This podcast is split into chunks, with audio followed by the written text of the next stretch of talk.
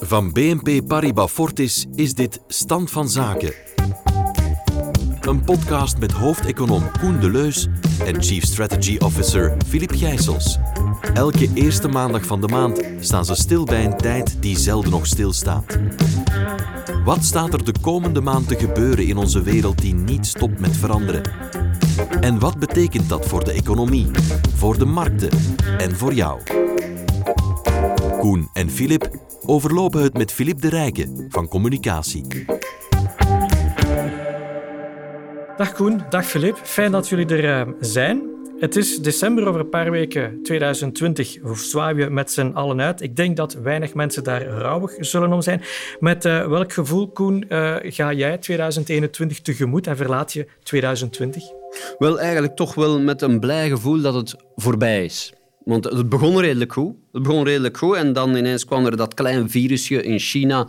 Nu, de Wereldgezondheidsorganisatie zei, ja, daar moet je niet te veel zorgen om maken. Ja, daar hebben ze toch wel een klein beetje zich vergist. En, en ja, we zijn een jaar verder, een miseriejaar verder eigenlijk. Hè. Ja, hoe heb je het zelf beleefd? Het was zwaar. Het was zwaar, zeker in het begin, omdat je toch ook echt wel een, een snel cursus digitalisering moest meekrijgen. Zeker in onze job. We gaan dan heel vaak gaan, gaan uh, speeches geven en dergelijke meer. Ja, dat is toch meer dan de helft van de job. En plots ja, is dat niet meer voor een live publiek, maar moet je zien dat je WebEx uh, fatsoenlijk werkt of dat je Zoom fatsoenlijk werkt. En, en ja, ook die interactie is er niet. En dat is wel een klein beetje jammer. Nu, je wordt het na een tijd wel gewoon, mm -hmm. dus je wordt er ook wel een beetje relaxter in. Je kan ook thuis blijven, maar die interactie met het publiek, dat mis ik wel. Ja, met collega's. Filip, zelfde gevoelens zo? Ja, absoluut. En om met een uh, torenhoog cliché te beginnen. Hè. 2020 was het jaar dat we te maken gehad hebben met de zogenaamde zwarte zwaan uh, van Nicolas Taleb. Hè. Je krijgt inderdaad uh, dat kleine virusje, zoals Koen het zegt. En wat dan uiteindelijk wel een groot virus wordt na een tijd. Maar het, het was ook wel een klein virusje in het begin. En, en het begon dan in China. En daarbij had je wel het gevoel dat het zo'n beetje een slow-motion trainwreck was. Je zat er naar te kijken. Het kwam dichter, kwam dichter. Maar je geloofde het niet echt totdat er was. Ja, en dan was het er en dan kennen we natuurlijk ja. uh, al de gevolgen. Nu, ik herinner me nieuwjaar uh, van vorig jaar, waren mijn vrienden aan, aan zee en we waren nog na twaalf uur nog, nog wat naar, naar het strand en naar de zee kijken met een glas mm. en dan praten over wat er ging komen. Wel, als ik toen had geweten uh, wat we nu weten, wel, dan had ik waarschijnlijk nog een glas extra gedronken. Het is inderdaad een bijzonder jaar. Ik ben hier drie maanden bij BNP Paribas Fortis. Ik heb de bank en de collega's leren kennen via WebEx en via Skype. Dus het was een, een extra moeilijke opgave. Maar goed, laten we even kijken naar 2021. Koen, of misschien ja, uh, Filip, wat brengt 2021? Ja, misschien moeten we eerst Koen uh, laten zeggen wat hij denkt dat de economie brengt. En dan is mijn job makkelijk. Dan hang ik er wel een beursverhaal aan vast. Oké, okay, goed Koen. Ga je nee, nee, maar inderdaad. Uh, ja, hij heeft ook de makkelijkste job van onze twee. Het is wel, daar kunnen, daar kunnen we, daar kunnen we gewoon laag kopen en hoog verkopen. Dat, en daarmee, daarmee is alles dat, afgelopen. Behalve dat de cliënten bij jou op een of andere manier altijd meer gedood hebben dan bij mij. maar goed, okay. Allee, Koen, ga je gang. Maar, 2021, ja. Ja, ik denk dat het beter gaat worden. Het gaat beter worden. We zien dat we wapens in handen krijgen om dat virus te gaan bestrijden. Zijn die wapens altijd even goed? Zijn de mensen die niet meer besmet kunnen worden, kunnen die nog altijd het virus doorgeven? Er zijn nog altijd heel veel vragen, maar het is toch wel hoopvol. En wat ik ook zie, is dat de tweede golf die we vandaag zien, is toch een stuk minder ingrijpend dan de eerste golf. En dat zie je bijvoorbeeld door de mobiliteitsindex. Die mobiliteitsindex die minder gedaald is van Google. Ja, dus het mobiliteitsindex, ja. het aantal verplaatsingen ja. van mensen uh, richting het werk, op weg naar boodschappen. Dus eigenlijk kunnen we de economische toestand van ons land eigenlijk meten aan zo'n mobiliteitsindex, ja. is het dat? Ja, dat is het inderdaad. Want als we gaan kijken naar die mobiliteitsindex, die geeft eigenlijk aan, zoals je aanhaalde, van in welke mate dat mensen zich meer of minder verplaatsen. En dan zit je bijvoorbeeld op 100 voor de pandemie. En dan zag je bij het dieptepunt van de eerste lockdown, zag je in België dat men op 30% zat van de normale dat was verplaatsing. hallucinant. Hè? Het was hallucinant, maar dan zie je bijvoorbeeld dat in Duitsland dat nog altijd 50% was. En dan zie je dat Duitsland uiteindelijk in zaken BBP, in zaken groei, veel beter stand hield dan België. Mm -hmm. En wat je vandaag ziet, is dat we niet meer op die 70% staan, min 70% in zaken mobiliteit, maar dat we op min 50% staan. Dus eigenlijk als we daar een gewone regressie gaan doen tussen enerzijds de mobiliteitsindex, hoeveel minder afstand dat we afleggen, en de evolutie van het BBP, dan kunnen we eigenlijk afluiden dat we in die tweede golf, als alles blijft zoals het is, dat we toch naar een krimp gaan gaan, een dubbele dip, maar dat dubbele dip en die terugval van de economie een heel stuk minder groot gaat zijn dan in de eerste golf. Ja, Filip, heeft u voilà. verteld, nu is dat nu. Wel, wel een van de, de meest intelligente dingen die die Koen uh, in 2020 gezegd heeft. Hij heeft er redelijk veel gezegd, maar dit was een intelligente. Was, we komen hier eigenlijk nooit uit mm -hmm. totdat je effectief een vaccin hebt. Hè? Want je gaat dus altijd tot op je 90% economie, maar iedere keer als je daar dan probeert over te gaan, ja, dan neemt die pandemie weer toe. En, en dan moet je weer terug in lockdown of in semi-lockdown of hoe het, hoe het dan ook noemt. Dus dat is de realiteit. Dus we komen hier in principe niet echt uit uh, voordat we daar zijn. Ja, hoor ik u nu zeggen dat we moeten wachten tot, tot de lente van dit jaar om terug naar een normaal leven te gaan? Ja, voor een normaal leven wel. Maar de beurzen zijn natuurlijk iets anders dan de reële economie. En dat, dat maakt de interactie tussen de, wat wij samen doen toch wel interessant. Want een beurs kijkt natuurlijk vooruit. We hebben nu een vaccin gehad, niet één, twee, drie ondertussen. AstraZeneca uh, met Oxford uh, is, is ook uh, met een vaccin gekomen. Dus de kans dat je ergens een, vaccin hebt, ergens in de februari, maart, april, een beetje verderop, we zullen wel zien dat dat er komt. Maar de beurs begint daar naar vooruit te kijken. Want de beurs kijkt dan vooruit naar een, ja, naar een, betere economische toestand.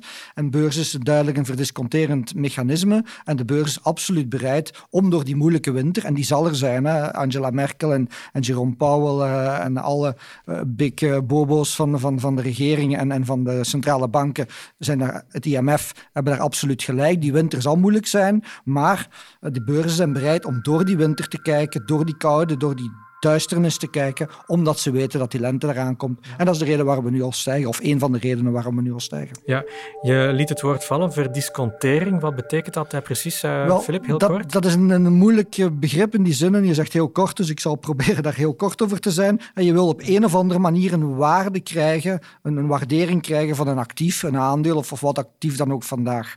En wat doen analisten en strategen dan? Wel, je begint eigenlijk alle inkomsten, dus alle cashflows, alle dividenden, alle winsten van bedrijven op een rijtje te zetten. Tuurlijk, een, euro vandaag is niet een euro in de toekomst, net zoals een euro vandaag niet een euro in het verleden was. Dus qua waarde bedoel je dan? In, Qua waarde, in koopkracht praat je dan eigenlijk. Dus je moet op een of andere manier al die dividenden en dergelijke terugrekenen naar vandaag. En daar is een, een verdisconteringsvoet, een discontovoet aan.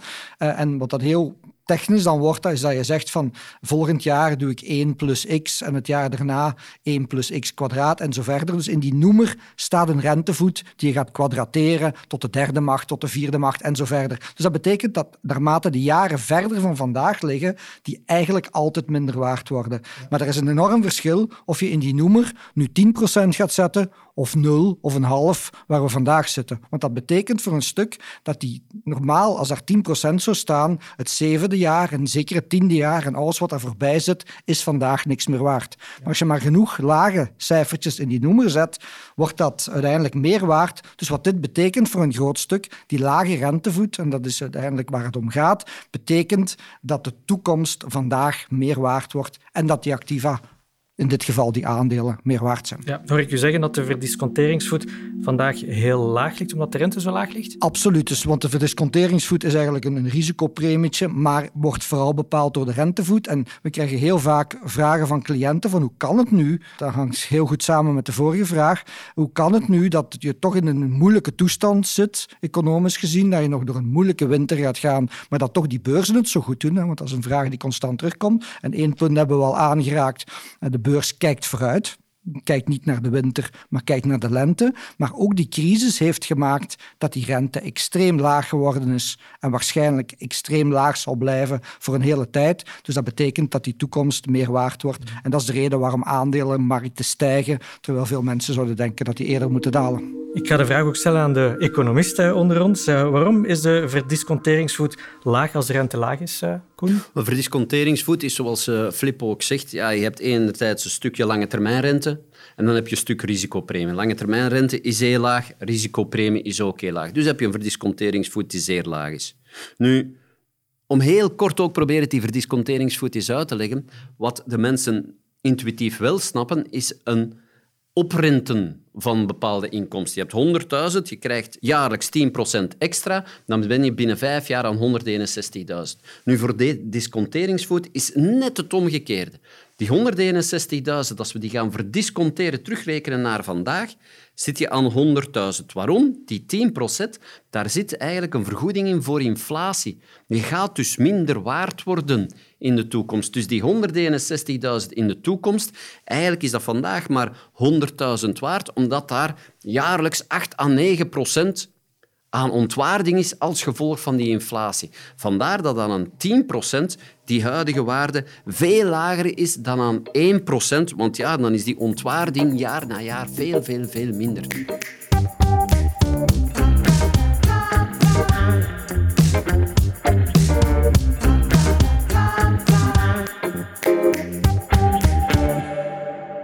Ja, Flip Gijsels, als we even uitzoomen op wie er achter die super-effectieve, of achter de aankondiging van die super-effectieve vaccins zitten, ja, daar zit natuurlijk die, die farma-industrie, de biotech zit daarachter.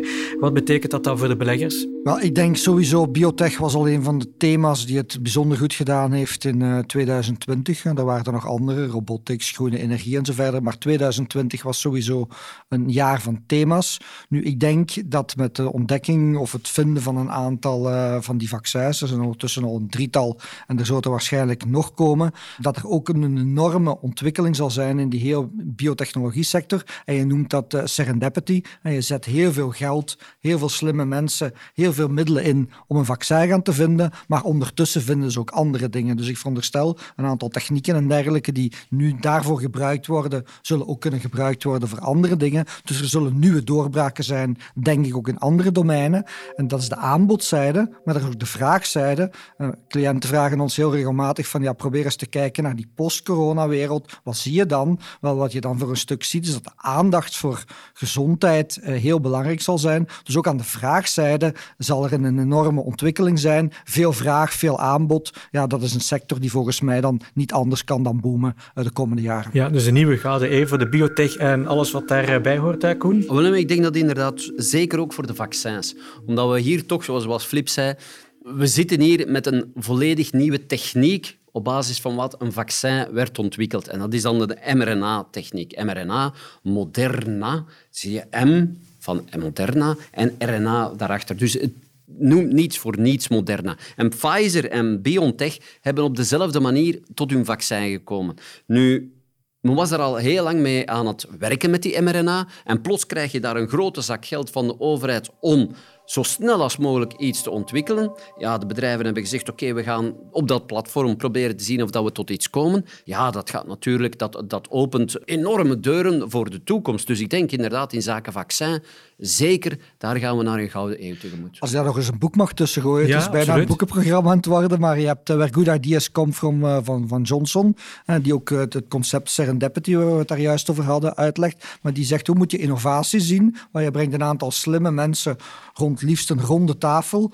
Um, je legt op die tafel heel veel onderdelen. Dat zijn, zijn chips en, en, computers en ook chemische stoffen en noem het maar allemaal op. En je laat die spelen met die, die, die onderdelen. En dan komt daar hopelijk wat je Iets wil vinden, uit, ja. dat vaccin uit. Maar ondertussen komen er ook andere dingen uit. En dat is wat op heel veel domeinen zal gebeuren in technologie, maar ook in biotechnologie. En wat ik ook wel zie naar de toekomst toe, en ik denk dat we daar echt niet meer zo ver vanaf zijn, is dat er een soort fusie gaat komen tussen technologie en biotechnologie. Namelijk, je gaat een horloge of, of wat apparaat dan ook, misschien van Apple of van iemand anders, dragen, dat je je lichaamsfuncties gaat controleren. Die gaat zeggen, je hebt te weinig van dit en je hebt te weinig van dat. En dat ga je dan toedienen. Dus als die twee samenkomen, wel, dan zitten we in exponentiële groei. En dan denk ik dat je echt in een hele mooie biotechwereld zit. Ja.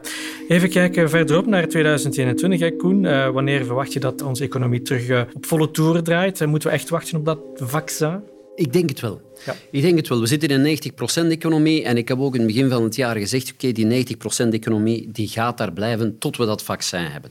We hebben nu een vaccin. Natuurlijk, ja, wie gaat eerst ingeënt worden? Eerst de mensen die verzorging geven, daarna de ouderen. Eenmaal dat de ouderen ingeënt worden, ja, kan natuurlijk die economie al langzaam een klein beetje hoger gaan, want we hebben geen risico meer dat onze ziekenhuizen plat gelopen worden. Maar ik denk voor een volledige normalisering van de economie economie, moeten we toch zeker tot helft 2021 en dan echt het openstelling van onze economie, denk ik dat we moeten wachten tot iedereen gevaccineerd is. En dan zie ik toch eind 2021 als, als ja, min of meer het vroegste hoor. Ja, Filip?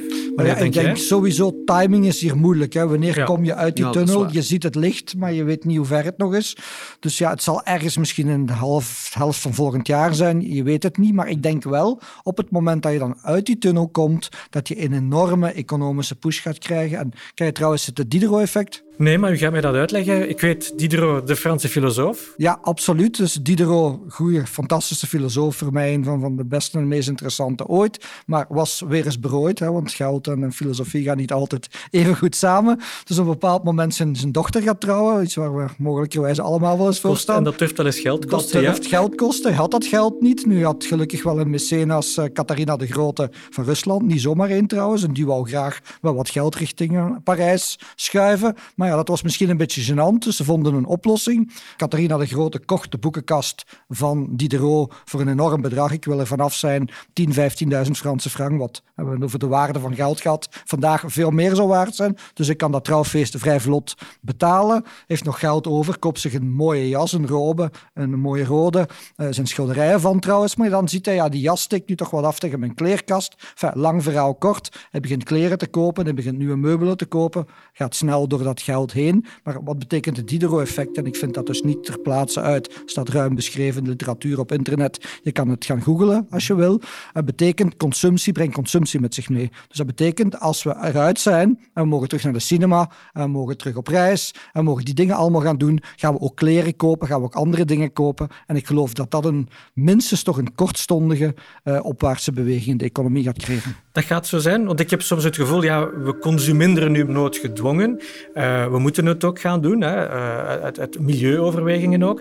Er is misschien wel een bepaalde mindset die aan het groeien is bij de mensen. Maar Koen, jij denkt dat... eh, Wel, ik ben, ik ben daar niet zo zeker Nee? van. Nu, ik denk in ieder geval, vertrouwen is heel belangrijk voor de consumeren. En we zitten inderdaad in een, in een situatie waar we serieus wat geld hebben opgepot. Dus dat geld, eenmaal dat de economie open gaat en mensen kunnen terug buiten gaan, ga je een stuk pent-up demand hebben en ga je waarschijnlijk ook een stuk dat Diderot-effect hebben waarover Filip hier spreekt. Anderzijds ben ik er niet zo van overtuigd dat we veel minder gaan consumeren, zoals je misschien zou kunnen insinueren. Dat we hebben geleerd van, ja oké, er is die groene economie, er is dat, er is dat. Mensen zijn hardleers. Dus in die zin, vooraleer mensen minder gaan, gaan consumeren, minder gaan reizen en dergelijke meer, ja, zullen ze daar een reden moeten toe hebben. En wat is de belangrijkste reden voor een mens? Dat ze daar meer voor moeten betalen, CO2-taxen. Dus ik geloof daar niet echt in dat we vanuit onszelf minder gaan consumeren. ja. Gaan we zo'n Diderot-effect ook zien op de beurs? Wel, dat hangt er een stukje van af natuurlijk, want zoals we daar straks zeiden, de, de markten kijken heel erg vooruit. Dus we nemen nu al een serieus voorschot op dat herstel. We zijn bereid om door die winter te kijken naar die lente toe. Natuurlijk, als we in die winter al heel veel stijgen, zal misschien de stijging in de lente misschien iets minder zijn. Eh, wat je hier moet weten is dat beurzen en de reële economie, want dan zou het makkelijk zijn, en dan, dan moest ik maar gewoon naar Koen luisteren en als hij positief was, was ik ook positief. Eh, en, en vice versa, maar in realiteit lopen de beurzen en de economie niet altijd samen. Dus daar is altijd die anticipatie. Dus we zullen moeten zien. Ja, oké. En wat, eh, wat denk jij? eh? Wel, zoals Filip zegt, en dat is ook een wijsheid zoals een koe, het donkerste van nacht is altijd net voordat de zonsopgang eh, er komt. En dat, dat was enkele, allez, laten we zeggen, eind oktober was dat zo. Iedereen was, was zeer ja, bedrukt en dergelijke meer. En dan ineens zag je toch een, een aandeel, zoals bijvoorbeeld Kinepolis, dat een heel stuk de hoogte inging. Dan kwam er dat, dat vaccin en dan zag je dat dat aandeel ineens heel zwaar de hoogte inschieten. Dus ja, ik denk hoe meer dat er nog van die vaccins en nieuws van die vaccins bekendgemaakt wordt, ja, hoe meer dat we zien dat die aandelen toch nog een serieuze duw in de rug gaan krijgen. Ja. Maar gaan we dat ook bij andere aandelen zien? Ik denk bijvoorbeeld vandaag ehm video-on-demand streamingdiensten. Die boomen op de beurs. Eh, de bioscoopzalen die doen het minder goed op de beurs. Eens als we terugkeren naar ons normale leven, gaan we eigenlijk een, een switch weer zien in de beleggingen? Wel, ik denk dat je daar een heel belangrijk punt aanhaalt. Waarschijnlijk het belangrijkste punt van wat we de laatste paar weken hebben gezien. Hè. Het verhaal dat je schetst was inderdaad het verhaal sinds de pandemie. De stay-at-home stocks, hè, de aandelen die profiteren van het feit dat iedereen thuis zit, uh, die gingen zwaar omhoog. En de meer klassieke aandelen, de cyclische waarden, die een open economie nodig hebben, deden het slecht. Sinds dat eerste vaccin van Pfizer hebben we een enorme ommekeer gezien. En dat was een enorme stijging op de beurs, want iedereen had echt was opgelucht. Dus dat was 7, 8 procent op de Europese beurzen voor een stuk. En dat, maar dat is het wateroppervlak. Als je onder het wateroppervlak kijkt, zag je ook die enorme beweging van de stay-at-home stocks naar de meer klassieke waarden. En dus natuurlijk de 1 million dollar question, ja, gaat dat blijven duren of niet? Mhm. Wel, dat is moeilijk te zeggen. Ik denk sowieso dat um, als we dat herstel krijgen, wanneer dan ook, dat dat wel de meer cyclische waarden, de meer traditionele waarden, meer gaat vooruit helpen dan de rest. Maar aan de andere kant mogen we toch ook die technologiewaarden niet in een hoek duwen, want dat is toch wel een wissel op de toekomst. Dus wat wij op dit moment doen, is een combinatie van beide. En ik denk ook, ik denk zeker met die technologiewaarden, maar heel kort op te reageren, je hebt ook als gevolg van die COVID heb je toch wel een snel cursus technologie, heeft iedereen meegekregen. Dus ook veel bedrijven gaan sneller beginnen automatiseren, robotiseren, om ook die besmettingen te vermijden. Dus in die zin denk ik inderdaad dat die technologieaandelen, dat daar wel een mooie toekomst voor is Doet me trouwens denken aan het boek van uh, Pieter Diamandis, The Future is Faster Than You Think. Een guy van Silicon Valley natuurlijk, 14, 15 opstarts, vriend van Elon Musk. Dus je moet dat met een grote korrel mm uitlezen, want die gaat echt niks negatief over technologie zeggen of over Silicon Valley. Maar als je nog maar één tiende gelooft van wat in dat boek staat over hyperloops, uh, over virtual reality, augmented reality, vliegende wagens en, je kan verder gaan, ja, dan kan je je eigenlijk niet permitteren om die in technologie geïnvesteerd te zijn.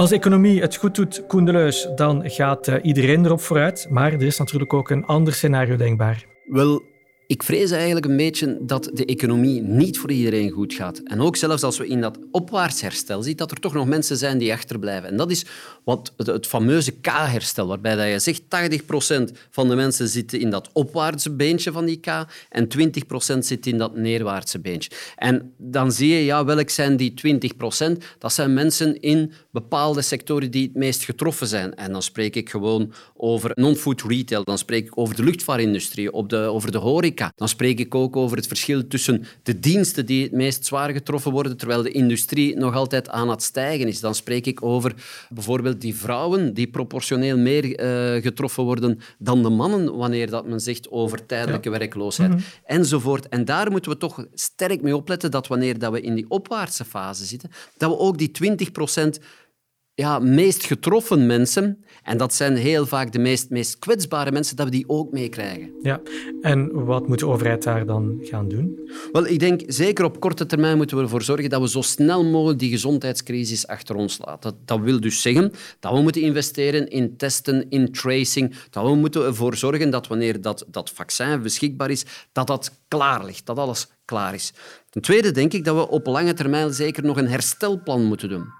Een herstelplan waar ik in de krant gelezen heb dat de verantwoordelijke om dat te implementeren, dat hij zegt van ja oké, we gaan daar voor 20 miljard investeren. 5 miljard komt vanuit Europa en dan gaan we dat leverage voor 20 miljard. En waarin moeten we gaan investeren? Ja, vooral in zaken die onze economie ook op lange termijn goed. Dus slimme investeringen. Niet maar zo gewoon geld uitdelen aan een ieder. Nee, productieve investeringen die ervoor zorgen dat we ook op lange termijn onze economie en onze groeipotentieel een heel stuk de hoogte induwen. En als we dat kunnen doen en als we daarvoor kunnen zorgen dat ook die mensen die het meest getroffen zijn, die bijvoorbeeld in een krimpende uh, sector zitten, bijvoorbeeld in de non-food retail, winkeliers, die, die, die ja, out of business gaan omdat er meer e-commerce is, ja, die mensen moeten we ook bij de hand grijpen om te zeggen, kijk, hier zijn andere sectoren waar jullie je kunnen in ontwikkelen. We gaan jullie daarvoor opleiden. En als we dat zo gaan doen, al die maatregelen samen, dan denk ik wel dat het goed gaat komen. Maar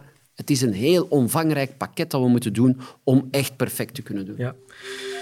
We zijn bijna aan het einde gekomen van uh, deze tweede aflevering van Stand van Zaken. Filip, je bent een zeer belezen man en ik zie hier op onze studiotafel alweer een nieuw boek liggen. Waarover gaat het? Wel, het is uh, Narrative Economics van uh, Robert Schiller, Nobelprijswinnaar nu. Het is niet bepaald een heel nieuw boek, want het is ook een boek wat geschreven is voor de pandemie. En dat maakt het zo interessant, want waar heeft Schiller het hier over?